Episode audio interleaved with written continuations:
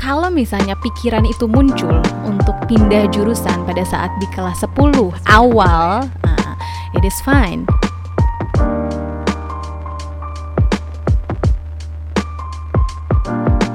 Misalnya orang tuanya pengen di- dia jadi dokter, eh tapi dia pengennya masuk di kafe, itu gimana dong bu caranya?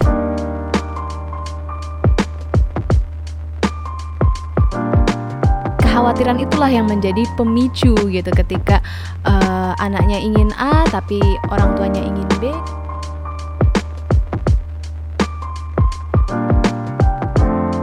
Gimana nih ya bu, kalau misalnya pas kita kelas 11 atau pas kelas 12 kita nih udah mantep nih di IPA, Mhm. tiba-tiba pengen kuliahnya yang lain, misalnya hubungan internasional, itu gimana dong bu? Oke, eh ini merupakan eh, apa ya namanya common problem sih sebenarnya. Jadi eh, kalau misalnya pikiran itu muncul untuk pindah jurusan pada saat di kelas 10 awal, ah, it is fine. Kenapa? Karena ternyata eh, siswa dan siswi ini masih diberikan kesempatan selama tiga bulan untuk menjalani di jurusan tertentu, tapi kemudian ketika ternyata hasilnya tidak sesuai dengan yang diinginkan atau tidak sesuai dengan minat, mereka boleh pindah jurusan lain. Itu kelas 10, tapi di tiga bulan awal. Tapi tadi Vira bilang, kalau di kelas 11 dan 12 gimana Bu? Iya. Ya kan? Kalau di kelas 11 ya mau pindah jurusan berarti nggak naik kelas dong gitu kan. Dan nggak ya tidak semuanya ingin seperti itu. Pastinya ingin meneruskan saja gitu. Jadi memang ya tetap diteruskan karena mm, kita harus uh, apa namanya melengkapi semua administrasi sekolah gitu ya, kemudian dokumen-dokumen pendidikan yang lainnya, rapot dan segala macamnya. Namun halnya ternyata ada kok jalan lain. Jalan lain di mana ternyata aku nih anak IPA. Tapi kok lama-kelamaan aku pengennya belajar bisnis ya atau tadi hubungan internasional Iya, merasa nggak cocok gitu. merasa nggak cocok. Ah, tapi baru ngerasa nggak cocoknya di kelas 12. Iya, baru Akhir pula gitu. gitu ya. nah, oleh karena itu, hal yang bisa dilakukan adalah pertama ada jalur-jalur tes memang ketika kita akan masuk ke universitas. Nah, jalur ini ada yang namanya jalur SBMPTN. Jalur SBMPTN ini sebelumnya itu kita atau siswa harus melaksanakan ujian tulis berbasis komputer atau biasa disebut dengan UTBK. Nah, di UTBK ini bagi siswa IPA yang ingin misalnya masuk ke jurusan hubungan internasional berarti mengikuti ujian SOSHUM, tidak mengambil ujian Saintek begitu. But which means that this person needs to study from the very beginning. Jadi sudah dari awal lagi dari nol ya gitu kan. Dari nol harus belajar lagi eh, IPS semuanya, belajar apa? Geografi, sosiologi, ekonomi, itu semua dari awal lagi sehingga mereka biasanya ya menambah lah ya, apa namanya? belajar sendiri. Mm-mm. Seperti itu.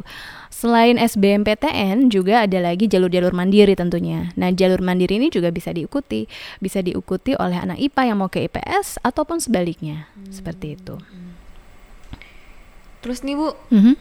nah ini nih bu masalah yang paling penting nih. Ya. Banyak kan bu, bukan cuma satu orang aja nih yang mempunyai perbedaan jurusan kuliah dengan orang tuanya. Mhm. Misalnya orang tuanya pengen di- dia jadi dokter, eh tapi dia pengennya masuk di kafe. Itu gimana dong bu caranya? Yes, banyak sekali permasalahan seperti itu di mana anak tidak sejalan dengan orang tua.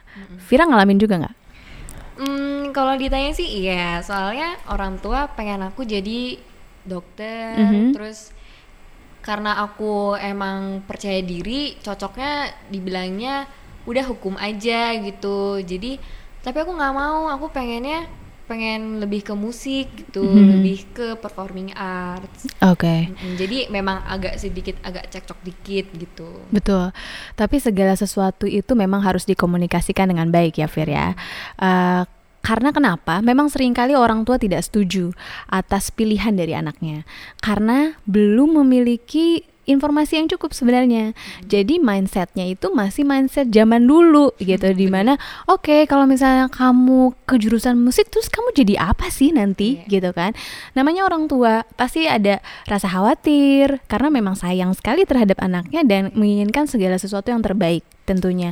Nah, kekhawatiran itulah yang menjadi pemicu gitu ketika uh, anaknya ingin A tapi orang tuanya ingin B karena yakin itu adalah pilihan yang terbaik. Nah, itulah yang memang menjadi problema masa kini gitu ya. Nah, oleh karena itu memang salah satu cara yang bisa diambil adalah si anak ini juga harus mengumpulkan pertama harus benar-benar yakin dulu atas jurusannya, atas pilihannya itu. Karena dengan yakin atas pilihan, kemudian kamu juga akan banyak sekali mendapatkan informasi terkait jurusan yang kamu pilih. Jadi ketika propose gitu ya, ketika ngerayu orang tua. Iya. Jadi kamu tidak hanya karena karena aku pengen aja, nggak ada yang bisa nerima alasan seperti itu. Mereka. Betul, meyakinkannya oke. Okay, jadi jurusan musik itu seperti ini. Aku akan belajar A B C D. Kemudian setelahnya aku harus apa? Jadi uh, musik itu dibutuhkan di bidang ini ini ini. Rencanaku hmm. adalah A B C D dan seterusnya. Jadi memang orang tua ini yakin bahwa oh ternyata anakku sudah dewasa loh, sudah tahu rencana ke depannya seperti apa. Pilihan atau jurus uh, ya jurusan ini bukan hanya semata-mata karena uh, ikut-ikutan temennya aja, tetapi hmm. memang berdasarkan hati, berdasarkan passion, berdasarkan minatnya juga dan bakatnya seperti itu. Hmm. Jadi kita harus mengeluarkan bisa dibilang kartu rahasia gitu. Nah itu ya, gitu. Kartu rahasia ya kita harus research juga sih hmm. atau datang ke University Center juga boleh Ayo. gitu ya untuk ngobrol-ngobrol tentang uh, kira-kira Bu uh, kalau misalnya masuk ke jurusan ini karir ke depannya seperti apa ya gitu. Setidaknya uh, selain konsultasi juga biasanya University Centernya akan mengarahkan ke website-website mana sih yang bisa dikunjungi dan kemudian memberikan informasi-informasi lebih itu tadi. Wah Pasti ini bermanfaat banget ya UC ini Bu. Insya Allah seharusnya ya.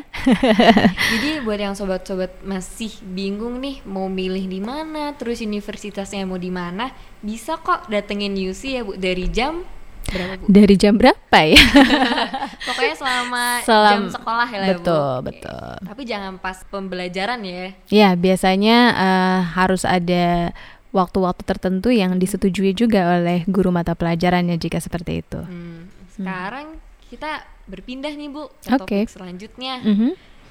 tentang beasiswa. Oh, ya. Nah, gimana sih Bu kira-kira cara ngedapetin informasi beasiswa dari suatu universitas tertentu?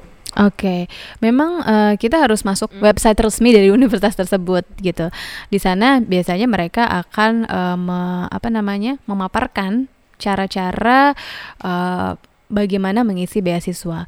Contohnya saja salah satu uh, universitas swasta di Jepang Uh, di dalam bukletnya itu yang sudah tersedia untuk pendaftaran, mereka juga langsung melampirkan persyaratan beasiswa. Jadi banyak sekali universitas yang seperti itu juga gitu. Persyaratannya apa? Uh, pertama mereka biasanya meminta motivation letter.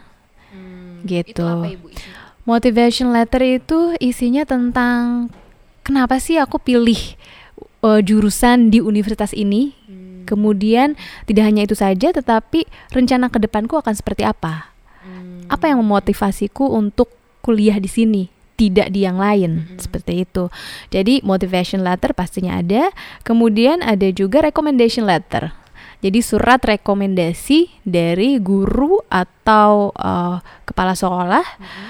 uh, terkait begitu. Jadi uh, pihak universitas ingin memastikan bahwa siswa yang mendapatkan beasiswa ini adalah memang merupakan siswa pilihan.